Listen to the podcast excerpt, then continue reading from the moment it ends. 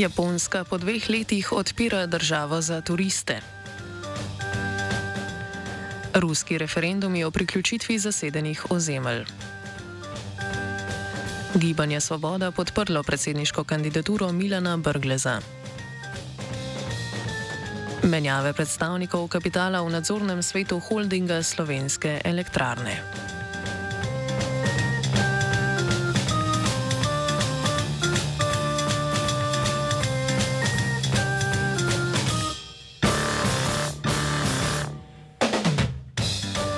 Japonska je po več kot dveh letih ukrepov za zajezitev epidemije COVID-19 napovedala odprtje države za tuje turiste.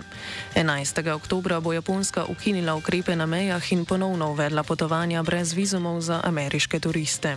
Japonska je bila ob Kitajski edina država, ki je ob rahljanju ukrepov letos spomladi nadaljevala s strogimi protikovidnimi ukrepi, a je uvedla manj strogo zaprtje javnega življenja. Med epidemijo COVID-19 je Japonska sicer zabeležila 42.600 primerov smrti, 90 odstotkov prebivalcev starejših od 65 let pa je bilo cepljenih trikrat.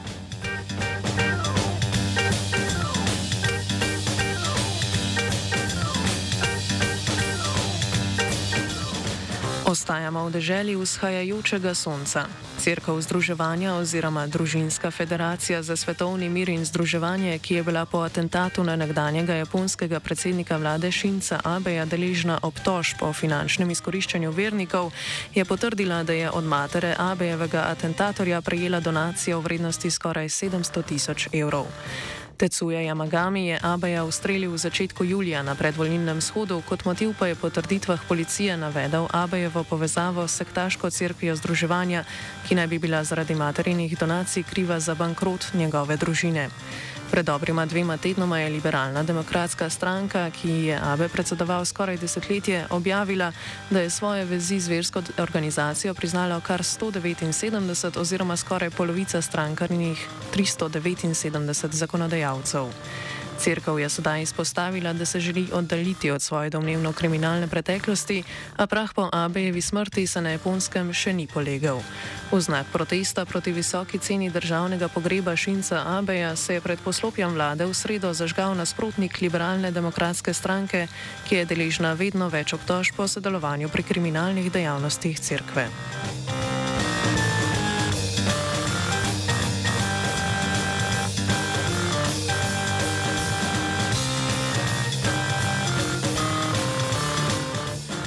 Na zasedenih ukrajinskih ozemljih Lugansk, Donetsk, Herson in Zaporožje do nedelje zvečer potekajo referendumi o priključitvi Rusiji. V regijah Donetsk in Lugansk, ki jo je Rusija že pred invazijo razglasila za neodvisni republiki, se referendumsko vprašanje glasi: ali sta za vstop republike v Rusko federacijo s pravicami subjekta Ruske federacije? V Hersonu in Zaporožju pa voljivci hkrati odgovarjajo na več vprašanj v sklopu enega referendumskega vprašanja: ali ste za odcepitev od Ukrajine, oblikovanje neodvisne države in njeno inkorporacijo v Rusko federacijo kot subjekt Ruske federacije? Referendumov ne spremljajo mednarodni opazovalci, generalni sekretar Združenih narodov Antonijo Guterres pa jih je obsodil in označil za nelegitimne.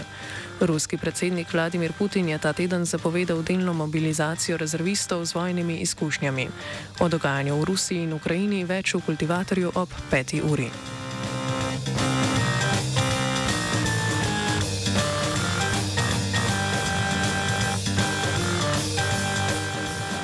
Preiskovalna skupina Al Jazeera je pričela z objavo tako imenovanih laborističnih dokumentov oziroma dokumentov o spodkopavanju nekdanjega predsednika britanske laboristične stranke Jeremija Corbina.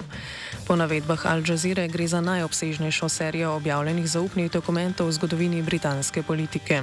Večine dokumentov še niso objavili, prvi objavljeni dokumenti pa dokazujejo namirna dejanja laborističnih starost, ki so med letoma 1998 in 2001. 2021 nedemokratično vodili strankarsko enoto za upravljanje in pravne zadeve.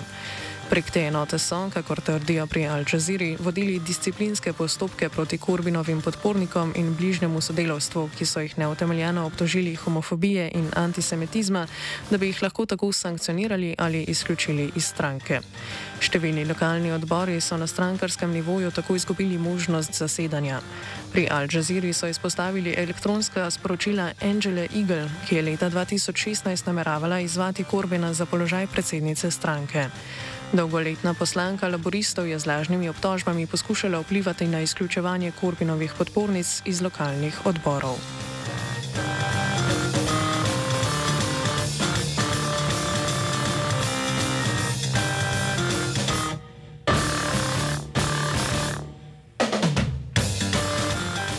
Zahodnoafriški voditelji so se na srečanju gospodarske skupnosti zahodnoafriških držav, znane pod kratico ECOWAS, dogovorili o postopni uvedbi sankcij proti vladajoči gvinejski hunti. Uradno je razlog neprilagodljivost gvinejske hunti pri določitvi datuma novih volitev. Vojaška hunta na čelu s predsednikom Mamadijem Dumbujo je oblast prevzela septembra lani, ko je z oblasti odstranila predsednika Alfa Kondeja. Takrat je hunta obljubila izvedbo volitev v roku treh let, a volitev za zdaj ni na vidiku.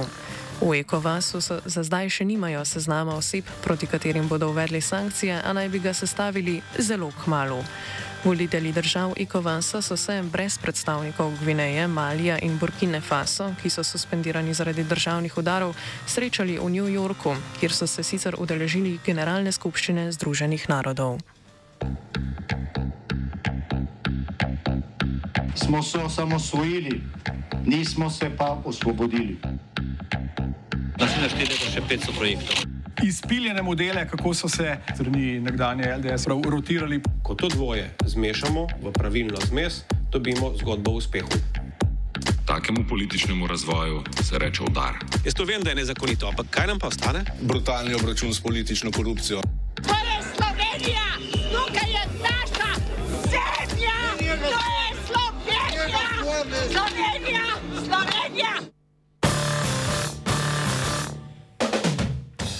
V gibanju Svoboda so podprli kandidaturo evropskega poslanca Milana Brgleza za predsednika republike.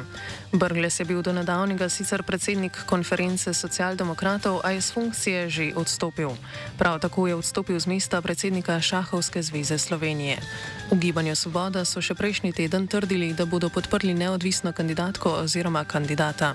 Brglez bo tako skupni kandidat obeh strank, v primeru izvolitve pa je že napovedal, da bo izstopil iz stranke. Po besedah besedah predsednika Svobodne poslanske skupine Borata Sajovica, prvo podpisanega pod Brglezovo kandidaturo, je Brglez ugleden in zaupanja vreden kandidat.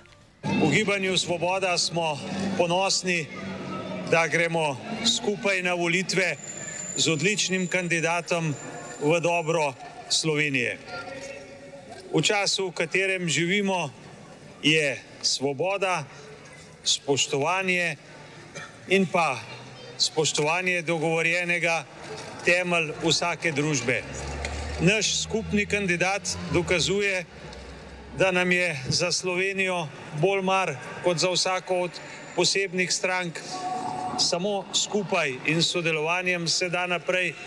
Imamo res spoštovanega, vrednega in uglednega kandidata, ki je stebr zakonitosti človekovih pravic in kot tak prepoznan v slovenskem, pa tudi v zunanjem okolju. Včeraj smo ponosni, da smo ga na svetu stranke s tajnim glasovanjem lahko soglasno podprli. Stebr zakonitosti in človekovih pravic se bo na predsedniških volitvah preizkusil 23. oktobra.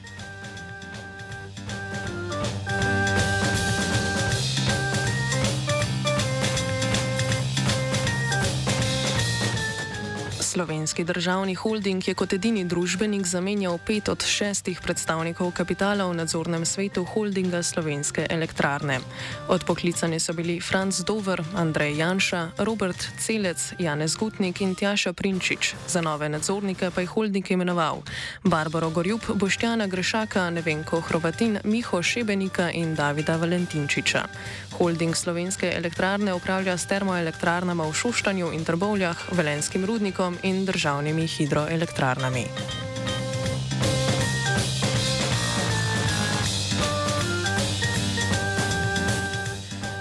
Ministrstvo za zdravje je sporočilo, da bo zaradi menjave identitet dveh bolnikov in povzročitve smrti iz malomarnosti ovadilo vodstvo selske bolnišnice. V bolnišnici so prejšnji teden namreč zdravili dva bolnika iz Trubarjevega doma upokojencev Loka pri Zidanem mostu. Postopek nadzora ni pokazal nobene napake osebja iz doma, je pa izredni strokovni nadzor v bolnišnici pokazal, da je do zamenjave bolnikov prišlo v triažnem prostoru urgentnega centra celske bolnišnice o predaji bolnikov med reševalcema za dasevnica v triažo. Ministr za zdravje Daniel Bešič Loredan je v izjavi za javnost dejal, da je odgovorno vodstvo bolnišnice. Po napovedi ovadbe je že odstopil predsednik sveta zavoda bolnišnice in direktor Ljubljanske študentske organizacije Andrej Klasinc.